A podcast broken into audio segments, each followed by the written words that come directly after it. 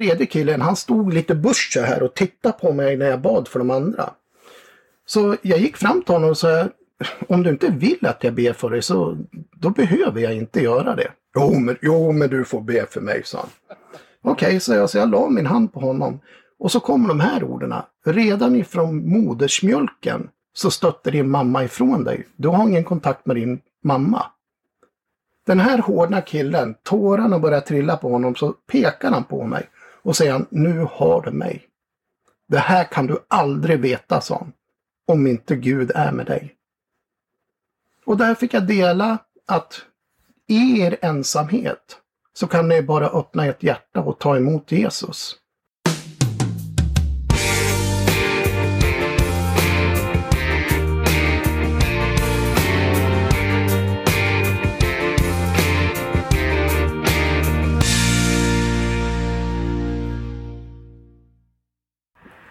Idag ska vi snakke litt om det umulige, eller det omöjliga, säger vi mm. på svensk. Ja, egentligen så är det väl eh, inte omöjligt någonting. För att vad vi tror på det är ju en levande gud, det är inte en träbit vi tror på. Och utan eh, vanligt folk kommer att tycka att det här är rena vansinnet det som vi kommer att berätta nu. Det här är händelser vi har varit med om. Och sen så står det i Bibeln att för Gud är allting möjligt. Det är bara vi som begränsar honom vad han kan göra. Mm. Ja, det är ju det. Och jag tänker, jag husker när Susanne och jag flyttade till Norge så var vi, vi var lite slått av det att det, det var mycket som vi uppfattade lite som deisme. Alltså på mm. måte att är, ja, vi, Gud har skapat jorden, Gud uh, har varit god mot oss, men nu har han på en måte bortreist och är inte engagerad längre. Ja. Nej, precis. Och, och det, även om många kirkesamfunn kanske teologiskt inte har det i bond, så blev det på en måte vad vi uppfattar som väldigt ofta det normala kristenlivet. Mm. Ja. Så, så nej, jag tänker det här är en episod jag gläder mig till faktiskt. Och, ja. Ja, men det är väl den hungern som bor i oss också och som vi vill föra fram att Gud kan göra allt. Ja. Att begränsa inte honom utan låt Gud vara Gud. Ja. Absolut. Ja, vi kan väl köra igång med Örjan. Jag har ett vittnesbörd faktiskt. Och det, det här hände ju för några år sedan på ett 40-årskalas på en restaurang där vi bor i Gävle. Och eh, vi var inbjudna släktingar. Det var eh, min kusins eh, fru som skulle fylla 40 år. Och vi hade ätit varmrätten och väntat på efterrätten och då kommer en kusin fram till mig och frågar om jag vill följa med ut och ta luft. Så jag säger ja, visst säger jag. Så vi går ut och vi står och pratar. Och medan vi står och pratar så börjar Herren tala till mig och så säger han Örjan, vänd dig om. Så jag ursäktar mig till min kusin och så vänder jag mig om. Och jag ser flera meter bort så står det en tjej som jobbar i personalen på den här restaurangen. Och Herren säger åt mig, gå fram till henne och tala om att jag har tagit hand om hennes barn. Så jag ursäktade mig igen till min kusin och sa att jag, jag måste gå bort här. Så jag började närma mig henne och hon stod där och rökte. Den här unga kvinnan. Så jag kommer fram till henne på sidan och så säger hon, eh, säger jag till henne att ursäkta mig men det är så jag går med Gud. Och hon blev ju alldeles stel och vände sig och tittade på, va? sa hon. Jo, det är så jag går med Jesus. Och jag har en hälsning ifrån Jesus till dig. Jaha, sa hon, vadå? Han har tagit hand om ditt barn. Och hon tittar förvånat på mig och säger, ja men jag har ingen barn. Jo, den aborten du tog, det var en flicka och bara för att du ska veta att det här är Gud, så heter flickan Josefin i himlen. Och kvinnan hon bryter ihop och bara gråter ut. Hon säger, jag heter Josefin. Och jag gick igenom en abort. Men vem är du? Ja, jag har ingenting, så jag, utan jag, jag är en människa som går med Jesus. Och Jesus älskar dig och det är han som möter dig här och nu. Snälla, snälla, säger hon, jag måste få prata mer med dig. Så hon tar min hand och drar mig bort. Och där får jag fortsätta profetera in i hennes liv och hon har varit med om. Under hennes barndom och hur jobbigt och svårt det var och hela den här biten. Och hon bara gråter. Och så säger hon, snälla, du måste följa med mig in och be för mina arbetskamrater. Ja, visst sa jag, om de vill. Om de vill att jag ber för dem så gör jag gärna det, sa jag. Så hon ledde mig upp för trappan, upp till den här restaurangen och så drog hon iväg mig in i köket. Och där inne stod det tre killar. Så hon säger så här, snälla, snälla, ni måste lyssna på den här mannen. Den här mannen har talat in i hela mitt liv. Det här är bara Gud, säger hon, det här är bara Jesus. Och jag står där och tänker, tack Jesus att det är du som är i centrum, inte jag. Ja, säger jag till de här killarna, om ni vill så ber jag gärna för er. Men det är upp till er, var och en. Men hon svarar ja. Så jag går fram till första killen och jag lägger min hand på honom och säger Det är så konstigt, sa jag. Ja, vad då, säger han. Jag bara får motor, och motor, och motor till mig. Jaha, säger den här killen förvånad. Impala 66 säger det dig, dig någonting, säger jag. Och han hoppar bakåt och säger, det är ju min drömbil du pratar om. Ja, men Gud vet allt om dig för han älskar dig. Så går jag fram till nästa kille, lägger min hand på honom och säger, du har ingen kontakt med din pappa. Men jag, Fadern i himlen, älskar dig och vill ha kontakt med dig. Och killen börjar gråta. Han säger, det stämmer, son, jag har ingen kontakt med min pappa. Ja, men du ska veta att det är Jesus som möter dig. Och så den tredje killen, han stod lite busch här och tittade på mig när jag bad för de andra. Så jag gick fram till honom och sa, om du inte vill att jag ber för dig så då behöver jag inte göra det. Jo, men, jo, men du får be för mig, sa han. Okej, okay, så jag, så jag la min hand på honom.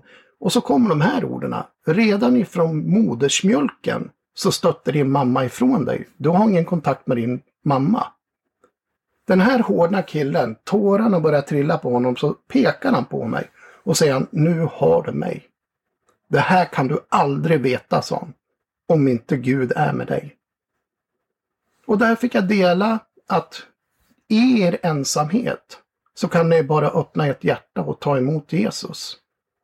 Så det var väldigt starkt. Ja, jag tycker det, det som Örjan hade läst innan, det, det glömde han att ja. Det, det kan du berätta nu. Redan no, no, några dagar innan det här 40-årskalaset så hade heligande lett mig till att läsa om den här kvinnan vid Sykarsbrunn. Så jag läste den och sa, okej okay, heligande, varför ska jag läsa det här? Jo, läs det igen, sa och jag läste det en gång till och sa, okej okay, heligande, varför har jag läst det här?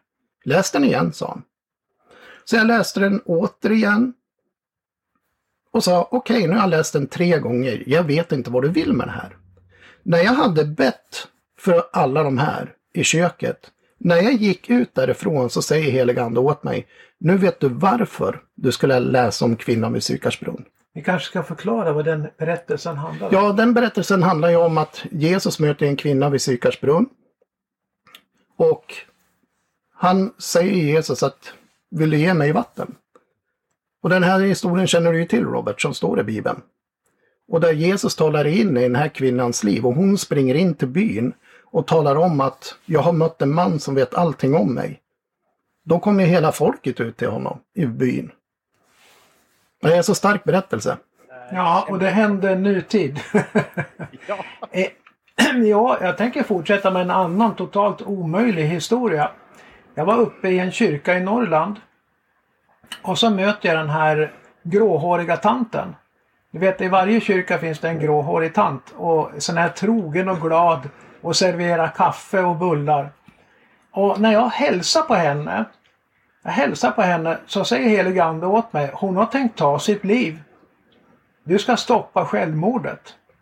Och förstå vilken kamp jag fick. Alltså, här är den gladaste tanten i församlingen en sån här underbar kristen kvinna som troget har varit med i alla år. Och där säger heliganden något helt annat. Så jag sa till den här kvinnan, kan du stanna efter alla har gått hem? För Herren har talat eh, till dig, om dig till mig. Ja, vad spännande, säger hon. Och jag tänkte, kära någon, du skulle bara veta vad jag fått till mig. Eh, mötet tog slut och folk gick hem och kvinnan stod förväntansfull. Och, och, hon kom fram till mig och sa, ja nu har alla gått hem. Kan du berätta nu vad du fick till dig? Jo, det är så här. Nu får du slå mig. Du får lugga mig, du får rycka öronen på mig. Men när jag hälsade på dig så säger Herren åt mig, du ska stoppa hennes självmord för då går det självmordsplaner. Och tänk dig i det här läget en gammal dam som kanske mänskligt sett inte har så många år kvar i alla fall. Att säga en sån sak. Hennes ansikte förvreds och hon skrek rakt ut. Jag vill bara dö! Jag vill bara dö! Jag orkar inte leva längre! Och jag sa, men kära någon. Varför vill en sån här gammal fin dam ta sitt liv? Jag satt med kniven på pulsådern igår i köket och ville skära den. För att min bästa väninna dog för några månader sedan och jag är så ensam, jag orkar inte leva längre. Och Alltså jag rös i hela kroppen och då sa jag så här, Fader hjälp mig nu, hjälp mig nu, ge mig någonting. Då kommer anden över mig och så säger anden åt mig, se åt kvinnan att titta ut på naturen. För det här var typ i mars det året. Det var vårvinter ute. Och jag sa till henne, Herren säger att du ska titta på naturen för varje dag så blir det ljusare och ljusare och ljusare. Och kan du stå emot den här rösten som säger ta ditt liv, ta ditt liv, så kommer varje dag att bli lättare att stå emot det här. Och vid midsommar, när det blir som ljusast, då är all den här dödslängtan borta. För det här är fienden som håller på med ditt liv. Och kvinnan bröt ihop och grät och sa tack för det redskap jag fick nu. Jag ska titta på naturen och titta på att varje dag blir ljusare och ljusare och ljusare. Och så kramade vi oss om och vi tackade Jesus för det här. Mm. Och jag åkte hem och tänkte oj, oj, oj, eh, vilket tilltal. Eh, så när jag kommer hem så, det är så här att jag har en väninna i Göteborg som också älskar det här profetiska vittnesbörd. Jag ringde Anne i Göteborg och jag sa Anne du, nu var jag med om en cool grej här. Mm. en omöjlig grej. Och så berättade jag om kvinnan där i Norrland och hon sa Wow, vilket vittnesbörd! Du, jag ringer min väninna i Tennessee i USA. Jag ringer Stephanie. Så vi hörs. Och så la hon på luren och så ringde Anne Stephanie i USA. Och Stephanie sa Wow, vilket vittnesbörd! Du, jag, var, jag kommer precis hem från kyrkan. Jag såg en gammal dam som såg lite ledsen ut i våran församling. Jag måste Herren säger att jag måste ringa henne nu. Så Anne och Stefanie la på lurarna och Stefanie ringer kvinnan i församlingen, den gamla damen. Och det visar sig att Stephanie ringer mitt i självmordsförsöket som den damen i USA. Så hon fick berätta historien vad som hade hänt i Sverige. Och damen började gråta. Hon sa jag är så ensam, jag orkar inte leva längre. Så nu idag så är Stephanie och den gamla damen bästa väninnor. Det här är att gå med Herren. Det här är vad vi är satta till. Jag, jag, jag, sitter inte här och förhäver mig själv. Utan jag vill att de som lyssnar på den här podcasten ska förstå att möjligheterna till att gå med en levande Gud gäller inte ett fåtal, vilket jag trodde när jag växte upp. Att ah, den där gudsmannen, han är så duktig, han är så felfri. Vet du vad? Gud kallar kristenheten ut i det som jag brukar kalla för old age. Old age, det är originalet. Det här med new age, det är bara en fuskdel. Det är bara någonting som fienden har härmat. Vi ska ta tillbaks det territoriet som heter old age. Ja, Ja, jeg, jeg, jeg, elsker å høre sånne vitnesbyrd. Og så Guds kjærlighet kommer så sterkt det, i sånne kunnskapsspor. Og det, det, kommer ikke noe sterkere enn kunnskapsord i så måte. Det er bare så godt. Och kan, kan du tänka dig också hur Guds ord jobbar, alltså kunskapens ord jobbar i flera lager. Gud visste om det här. Mm att jag skulle ringa Anne, och Anne skulle ringa Stephanie och Stephanie skulle ringa kvinnan i Tennessee. Och stoppa det som fienden hade tänkt. Och det visar ju också på den här delen hur viktigt det är att dela ett vittnesbörd. Att Gud kan ju använda det här vittnesbördet gång på gång på gång på gång. Eh, jag kommer ihåg också den här delen, det kom till mig nu, om Annika. En väninna till oss men vi hade ingen närmare kontakt förut. Och Det här hände när Hampus, min yngste son, var runt 10 år. Han är ju 21 år idag, men han var 10 år då. Han lekte med en kille som heter Lukas.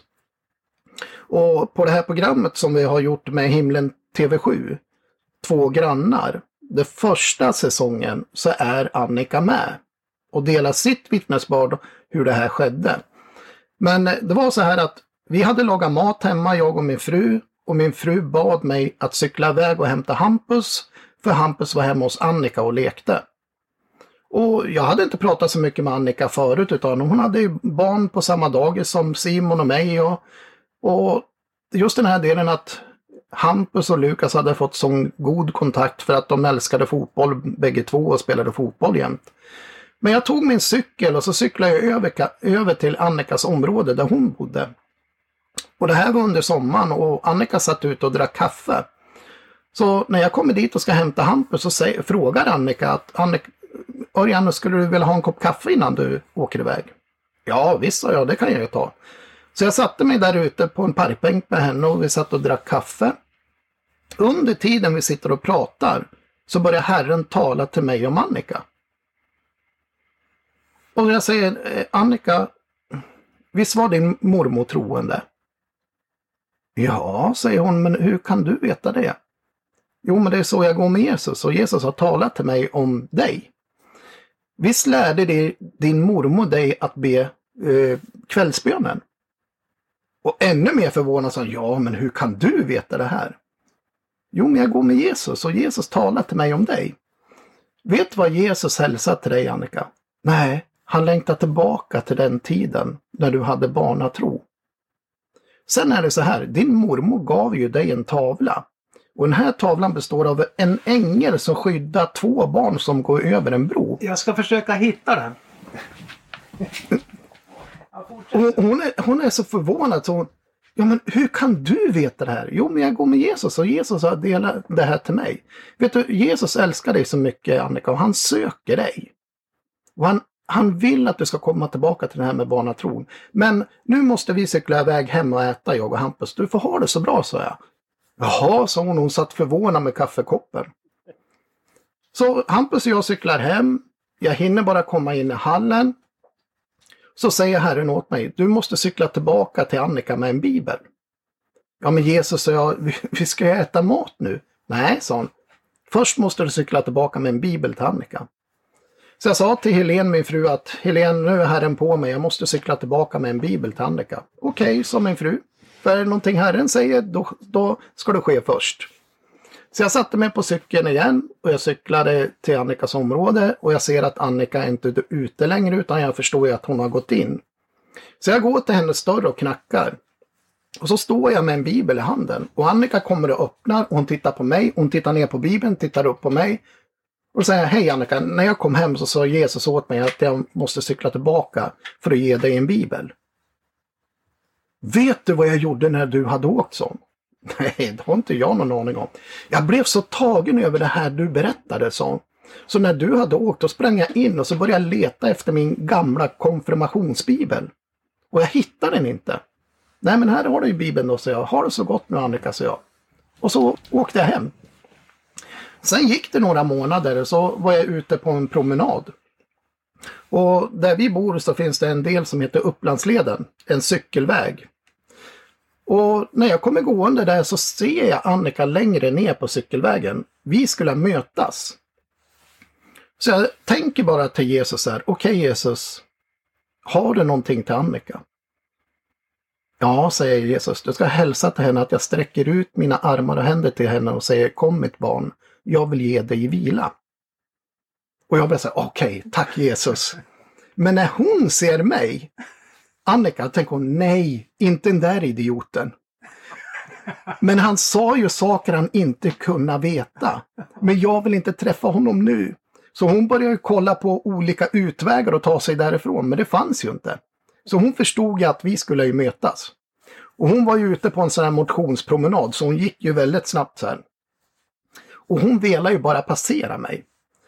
Och så hon kommer, hej Annika, säger jag, hej, hej, hej. Och så hon tittar ner och säger, jag har en hälsning från Jesus till dig. Och hon tvärnita. Och så, jaha, hon. Jesus hälsar till dig att han sträcker ut sina armar och händer till dig och säger Kom mitt barn, jag vill ge dig vila. Tack så hemskt mycket då, sa hon, så fortsatte hon. och jag gick glad därifrån. Jag tänkte, ja Jesus, du får ta hand om det här. Efter någon vecka när jag är hemma så knackar det på dörren och jag går och öppnar. Utanför står Annika. Hej Annika, säger jag. Örjan? Ja, jag har börjat läsa Bibeln. Har du börjat läsa Bibeln? Ja, men vad bra, sa jag. "Eh, Var det något mer? Nej, jag ville bara komma förbi och berätta det, säger hon. Okej, så jag. Har det så bra då? Ja, hej då, säger hon och så går hon. Och jag tänkte, okej okay, ande, du håller på med saker nu. Sen dröjde det någon vecka till. Så kommer hon och knackar på dörren. Och så, hej Annika! Örjan, ja, jag ska döpa mig. Ska du döpa dig, säger jag. Ja, vad är det för något, säger hon. Ja men snälla Annika, så jag kom in nu. Så får vi sätta oss ner och prata. Då visar det sig att heliga ande ledde Annika att börja läsa Bibeln. Heliga ande ledde henne till det här med dopet. Och där Annika berättar för mig att jag har suttit och jag har sagt det 20 gånger. Jag har bett en bön till Jesus, kom in i mitt liv, kom in i mitt liv. Sen har jag inte trott att det skulle funka så jag har bett igen. Ja, men så jag, Jesus hörde ju dig första gången. Och se den förvandlingen som Jesus har gjort i hennes liv är otroligt starkt. Ja. Ja, eller det så här att vi, vi, hade, vi, hade, vi har en sån där tavla här hemma någonstans. Men min fru är så duktig på att städa. Så jag, så jag, jag letade efter den och den var inte på vanliga platsen. Men okej, den tavlan har vi också hemma. Den här ängeln som beskyddar två barn som går över en bro. Den är ganska spridd. Eh, Men jag tänker faktiskt återkoppla till min fru. Det var så här att eh, under många år, och det kan ni läsa om i Den oväntade resan, som också kommer komma ut på norska så småningom här. En översättning är på gång. Eh, så var jag bitter mot Herren och eh, eh, jag träffade Maria under den här perioden. Hon var inte kristen. Och, eh, Det tyckte du var skönt då? och jag tyckte det var så otroligt skönt. Oj, vad jag, jag hade tagit avstånd från allt. Jag ville inte ha någon kristen fru. Men ni som har läst Den oväntade resan vet ju hur det gick. Det var Maria som förde mig tillbaks till Herren. Okej. Men i alla fall under den här tiden när jag var bitter och när jag var eh, precis nygift med henne. Vi hade varit gift eh, ungefär i sex eller sju månader. Då är Maria en februaridag 2000, eller 1999. Så är hon ute och kör bil. Och det var ganska isigt eh, och det var en isig vindruta och solen bländade henne. Så hon stannade vid vägkanten. Och vad hon inte visste är att bilen bakom åkte ungefär i 70 kilometer i timmen och smällde in i Marias bil bakifrån. Så Marias huvud kastades så här och hon fick en whiplash-skada. Och vi var nygifta och Maria kom hem. Hon klarade sig, bilen blev bara skrot. Men hon klarade sig, men hon hade sådana smärtor. Så vi sökte ju upp sjukhuset här i stan. Och de kunde konstatera, och de gav henne diagnosen whiplash. Och jag tänkte, kära någon, jag, nu, ska jag, nu blir det jag och Maria och whiplash som ska ha ett äktenskap tillsammans. Och jag vill inte ha whiplash med i mitt äktenskap. Men jag förmådde mig inte att börja be till Gud för henne, för jag hade ju tagit avstånd från allting. Jag ville ju inte ha med Herren att göra överhuvudtaget. Och Maria grät.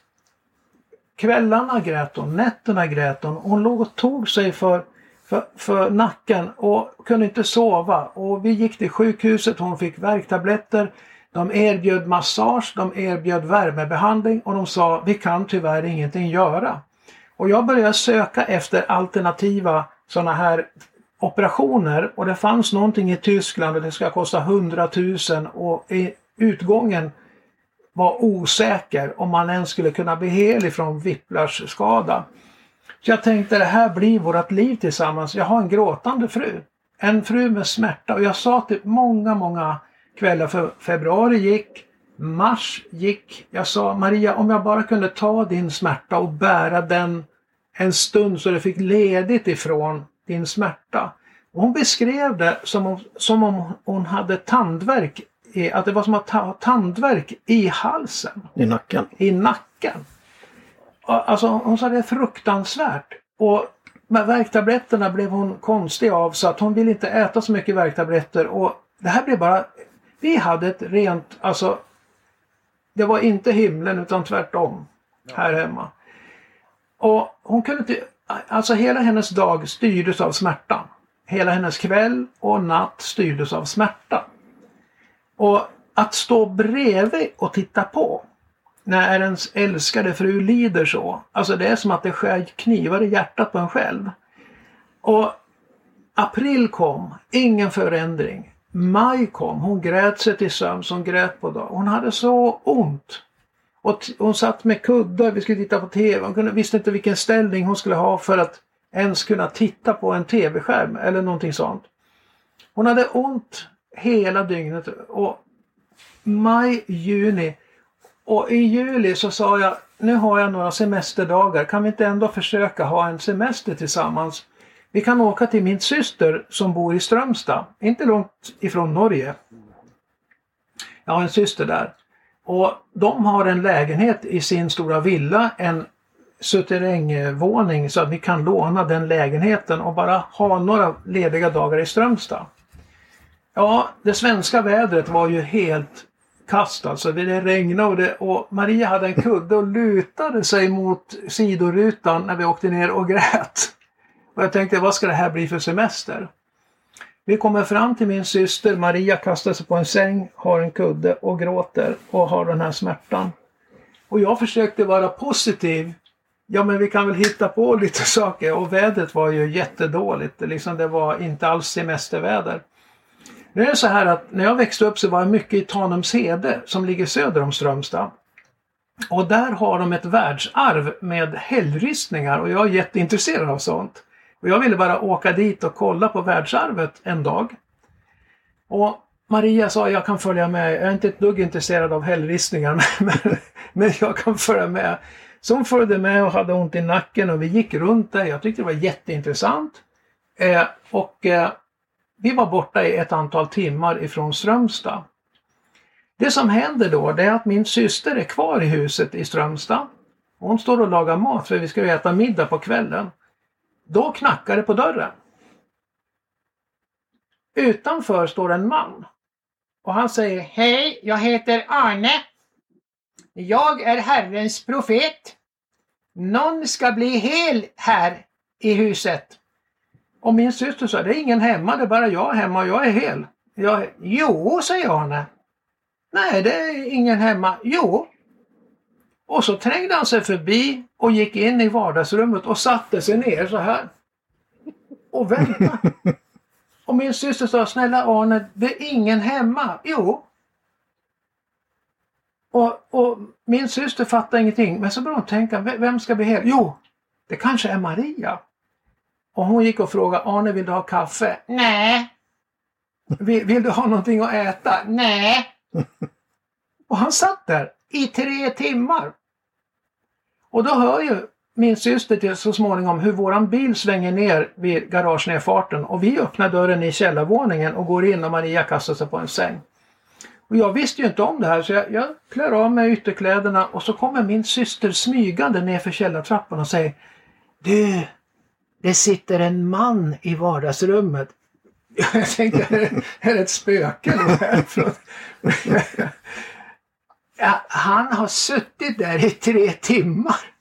Han säger att han är Herrens profet. Herrens profet, kyss mig, sa jag. Det, jag, jag, jag, tror inte det finns några profeter. Jag har inte träffat på någon. Så länge jag var med i det där sammanhanget, frikyrkan, så träffade inte jag på några profeter. Han säger att någon ska be hel. Alltså så du menar på allvar att han ska be för min fru som inte ens är kristen och jag har hoppat av, det vet du mycket väl.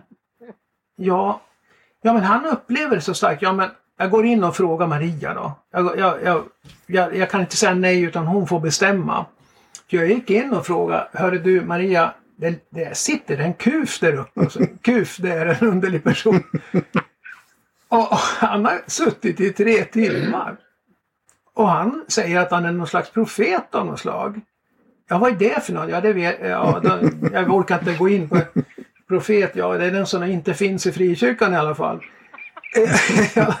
Och, för de är borttagna och tystade allihopa. I alla fall, då, då, då säger, frågar jag henne så här. Vill du att han ska be till Gud för dig? Då säger Maria, vad som helst, bara jag slipper det här, vad som helst. Så jag säger till min syster, ja men hämta den där gubben då. Och han kommer ner och han hälsar på mig. Hej, jag heter Arne. Ja, hej Simon. Jag är Herrens profet. Och jag tänkte, det tror jag inte ett dugg på.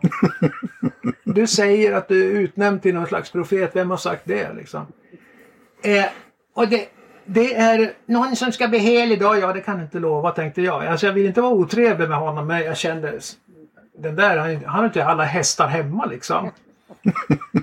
Och jag hämtade Maria och Maria kommer ut och möter honom utanför, eh, ja i hallen där i, i den här lägenheten. jaha. Och då säger Arne så här. Bara, bara så att du vet att det är inte jag som gör det här. Undret, för du ska bli hel idag. Jag tänkte, hur kan du stå och lova att hon ska bli hel? Hur kan du lova det här? Bara för att du vet att det är Herren som gör det här så ska jag inte ens röra dig. Och jag, jag liksom tänkte, jag kan väl vara artig och knäppa mina händer och böja mitt huvud. Och då sätter han igång och ber så här. Lyssna nu. Han ber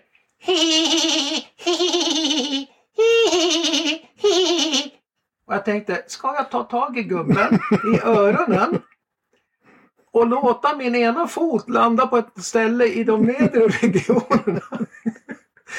Så han flyger ut på gräsmattan. Vilken fullständig jubelidiot!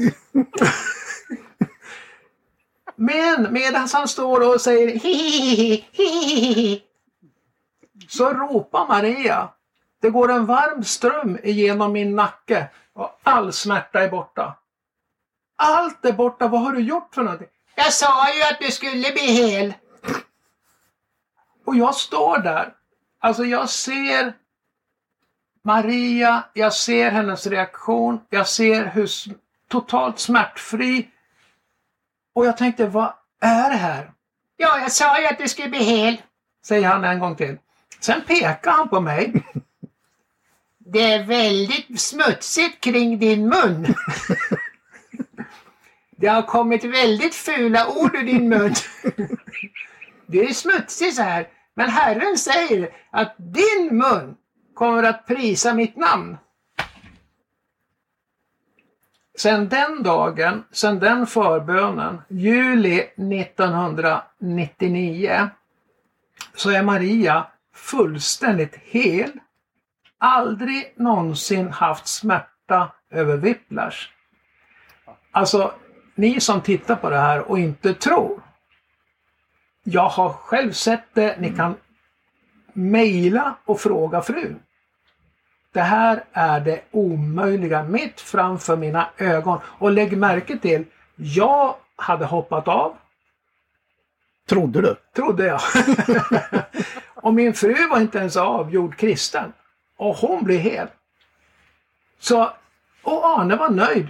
Ja, nu hade han gjort sitt och, eh, och jag, jag sa ja men eh, tack så mycket. Nej, Tacka Herren! Och jag tänkte, vad var det där? Jag har aldrig stött på något sånt här förut. Jag menar, jag har ju rest i många år långt innan och jag har inte träffat såna här gubbar. Var är de någonstans, tänkte jag. I alla fall, nästa dag så var Arne med oss ute och fika. Det är så att min syster och hennes man och plus hennes släktingar har ett ställe på ett väldigt vackert område som heter Saltö som ligger utanför Strömstad, ett naturskyddsområde. Men de har en stuga där eh, eftersom släkten Saltell har haft den här stugan i generationer. Där sitter vi och fikar. Och Maria är fullständigt hel. Och Arne sitter med och Christer, alltså min svågers pappa, sitter med. Och så frågar Arne, eh, Kan jag dra en profetisk mantel över er? Jag tänkte, vad är det här för- Jag vill inte ens, alltså jag vill inte ens vara med i det här. Vadå profetisk mantel? Eh, jag vill ingen Elia eller Lisa, liksom, vad håller du på med? Och Arne, den gamla farbrorn, ställer sig upp och börjar kämpa med någonting osynligt. Och han drar så svetten lackar och jag sitter och dricker kaffe och tittar. Han är ju inte riktigt klok den där. Han kanske kommer från Askim eller någonting. Och så kämpar han och så drar han någonting osynligt över som ett draperi över oss eller ett, eh, någon form av presenning över oss. Och så börjar han skratta och så pekar han på mig och säger Nu har du fått en profetisk mantel över dig. Den kommer att, den kommer att föra dig till platser dit du inte vill åka. Tack så mycket, kan jag få en bulle till? Alltså det... Den mannen var till otrolig välsignelse så länge han levde. Han ringde mig alltid. När jag frågade Herren en fråga så ringde han och svarade. Fast han bodde på västkusten och jag bor ju långt uppe norr om Stockholm. Alltså, de här människorna som lever i det omöjliga. Alltså, Det, det går ju inte att tvivla på någonting när man ser, bokstavligen ser, kraftgärningar under och tecken runt om. Så det är, min fru är ett levande vittnesbörd på det totalt omöjliga. Eh, och på sjukhuset så, hon fattade ingenting. Det, det var ju liksom, wow. Hon har ingen, den har gått, den har gått över. den här obotliga whiplashen har gått över. ja, kära någon. Åh, wow! Men Robert, Ja. du har ju varit ute med Reinhard Bonke. Du måste väl ha sett någonting när du var med honom? Ja. Eh, Ja. Vi gjorde det och en historia som, som jag tänkte på som, eh, som uh, förändrade egentligen våra liv. Och det var i, det var i 2001 när Reinhard Bonke var evangelist i Afrika. Mm. Och min kone Susanne och jag vi bodde, vi jobbade med han och organisationen. Vi bodde i Frankfurt i Tyskland. Och eh, vi reste jo, vi var i Afrika ti dagar i måneden vanligvis. Och em, i 2001 så blev det snack om att eh, vi skulle göra en filmserie som, hvor Reinhard skulle ta det han følte han hade fått från Herren om att vara evangelist. eh, Mm. Och gå med en helig ånd och vara en evangelist. Da. Og legge det i en filmserie som vi skulle distribuere verden rundt. Og dette var jo et kjempeprosjekt. Og så fikk jeg det prosjektet. eh, og så når jeg så på omfanget av det, så sa jeg OK, det her, eh, det her får vi ikke gjort i Tyskland. Det her må vi til USA. Mm. Det, vi skulle, det skulle være 53 språk som skulle ut på samme tid, og jeg visste ingen Oi. i Tyskland som skulle kunne, kunne håndtere det. Nej. Nej. Og så sa dette må vi gjøre i USA. Men eh, Reinhardt ville ikke til USA. Han hadde vært i USA, han har jo, hadde jo hatt et kontor der i mange år. Men han Mm. ville ikke dit. Han hadde hatt noen negative erfaringer. Og ville ikke dit. Men så Men dette filmserien, det har han på hjertet fra Herren. Så han går til Herren, og så han skal til Nigeria. Mm. Og, og så er han i et hotellrom før han skal preke en, en lørdag. Og så, så, så går han til Herren og sier Herren, hvis du vil at jeg skal til USA, så må du gi meg et tegn som jeg aldri har opplevd før Mm. i mitt ministry. da. Mm. Da sa han han har aldri bedt den bønnen, han har aldri bedt den bønnen før. Nej. Men han ville ikke til USA, men han så behovet. da. Mm.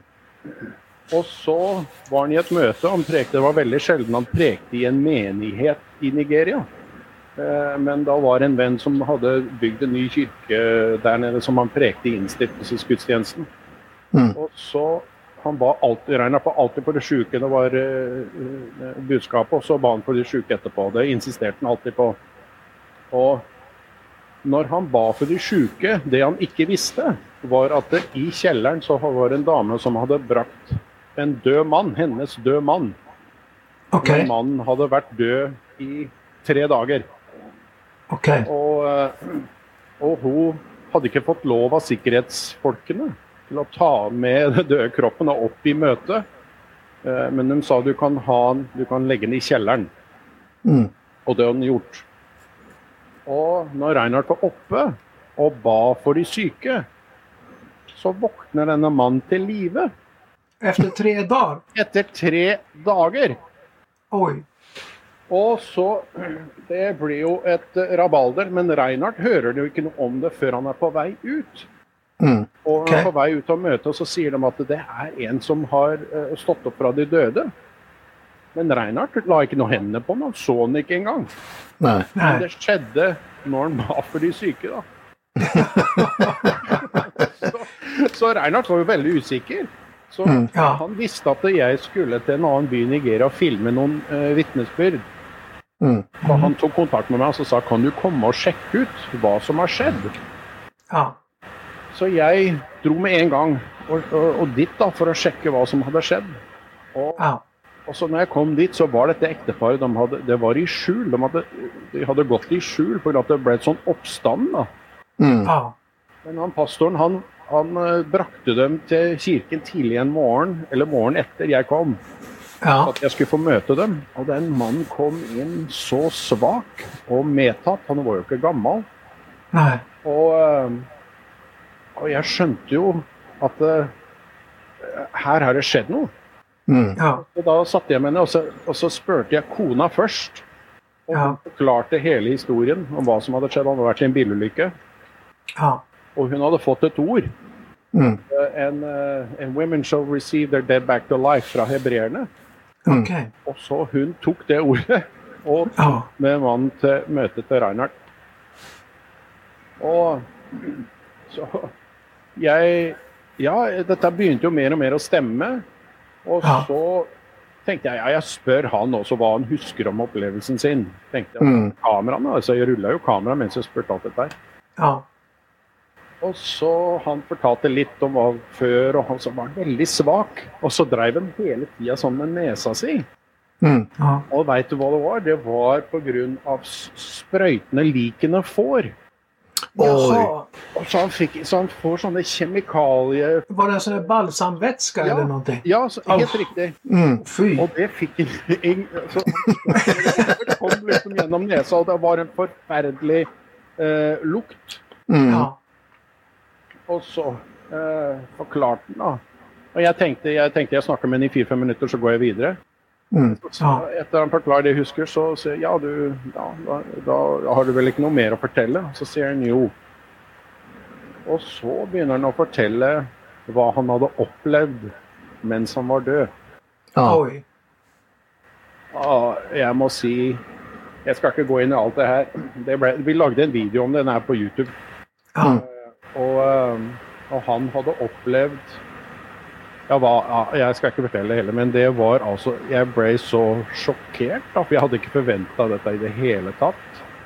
Nej. Og ikke nok med det, men han Jeg skjønte at Den hellige ånd sa noe til meg også, gjennom det han hadde opplevd. Ja. Og det ble Jeg sov ikke nesten ikke i tre dager etterpå. Oj. På grunn Men- av noen av de tingene han hadde sett og opplevd da, i Men himmelen. vad var det hade han hade sett för någonting? Nei, han hadde jo vært i, han hadde eh, vært i himmelen, han hadde sett himmelen, og så hadde han sett portene til helvete. Oj. Oj. Og, eh, og han begynte å forklare Ja, himmelen selvfølgelig, det var jo så velsigna og godt. Mm. Ja. Mm. Men han hadde Jeg kan si det. var, eh, på den tid i Nigeria så var det veldig mye sånn eh, sivile problemer. At myndighetene greide ikke å holde kriminaliteten i sjekk. Mm. At det var en sånn vigilantegruppe gruppe som heter Bakassi Boys. Hette dem. Okej. Og eh, de, noen ganger så ble de betalt av forretningsmenn og sånt for å holde lov og orden, da, for at politiet var så korrupt. Okej. Så vi så dem noen ganger på møtekampanjene. De var Oi. sterkt bevæpna. Mm. Men jeg, jeg syns jo det var morsomt. Jeg, for meg så var det liksom en vits, det, det Bakassi Boy. Så jeg, det var alltid, jeg brukte liksom det som en, en sånn eh, vits med mange av kollegaene om The Bakassi Boys. ikke sant? Hadde, jeg syns jo det var litt gøy. De var jo, hadde jo grufulle taktikker. da. Mm. Men så, når eh, han forklarte nå, hadde, hva han hadde sett og opplevd, da, så hadde han jo sett portene til helvete. Og Oi. han hadde forstått at eh, Og så sa han til meg og så sa han at du må forstå sånn at The Bakassi Boys er sendt rett fra Mm. helvetes porter, han. Oj. Eh, og, og da det, For meg så ble det et støkk, da. For da, for da skjønte jeg også at det er jo det er ting som jeg hadde gjort, eh, gjort vitser og, og komedier Mm, i. Ikke sant? Eh, Plutselig så skjønte jeg at dette her var faktisk demonisk drevne ting. Mm. Ja. Eh, men eh, men han, han så også mye godt. Han så også ting for framtiden. som Han sa at eh, Herren hadde sagt at han og, og Reinhardt skulle preke sammen, eller gi et budskap om frelse sammen, som ville gå verden rundt. Mm. Ja. Og når vi lagde den videoen, da, så var det jo Ja. hans historie, og så prekte Reinhardt på slutten. Ja. Så den ordet faktisk gikk også opp i oppfyllelse. At de Ja. to gjennom den videoen, de, de prekte evangeliet. ja. Mm. Wow. Men- Det som var jo også sterkt, at eh, Reinhardt han bestemte jo da Jeg tror det var to uker seinere. Så pakka han ihop og dro til USA. Han, fick sitt tecken. Ja, fick det var väl tecknet. Mm.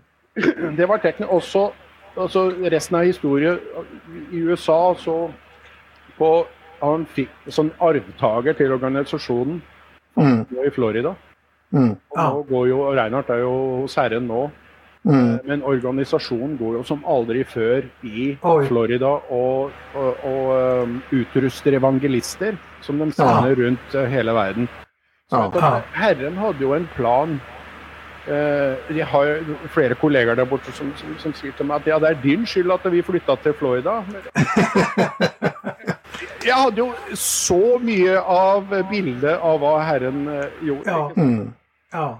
Men jag tänker på lyssnare nu som ser det här och hör. Eh, vad heter den här Youtube-klippet på Youtube? Så att de kan titta. Raised from the dead.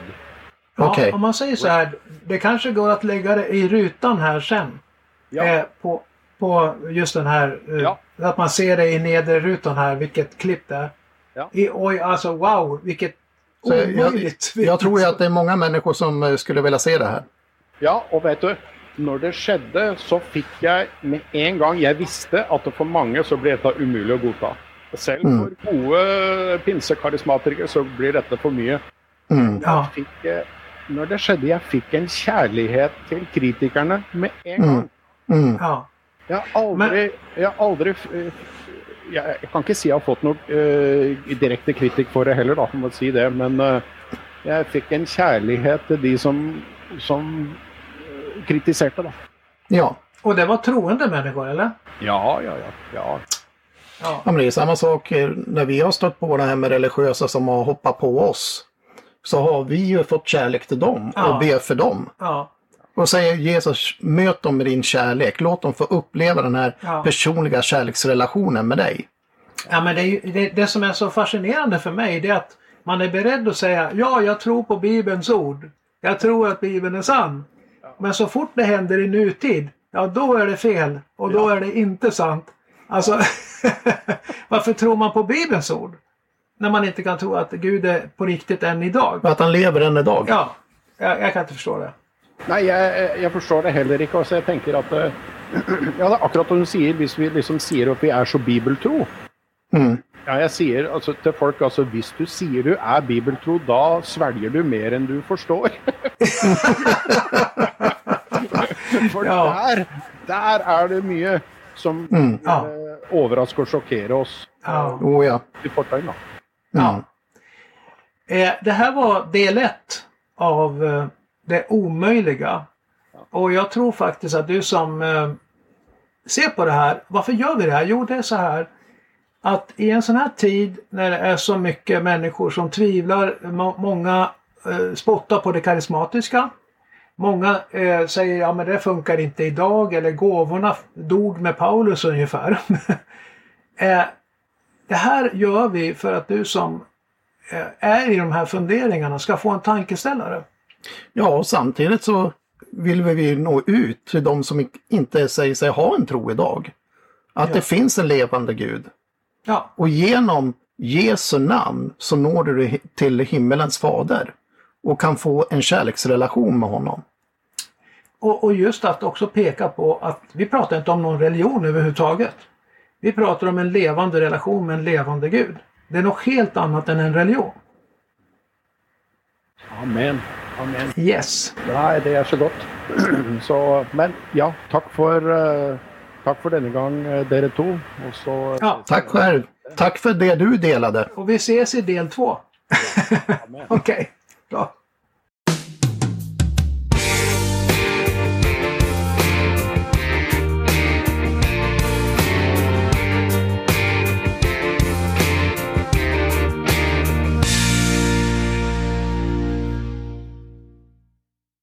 Hvis du vil være med og støtte evangelisasjon i Sverige, så kan du sende en gave til Simon Ådals evangelisasjonsfond via Swish. Og Swish-nummeret det er 123 422 9472. Hvis du vil være med og støtte evangelisasjon i Norge, så kan du sende inn en gave til Velkommen hjem via VIPS, og det VIPS-nummeret det er 560051.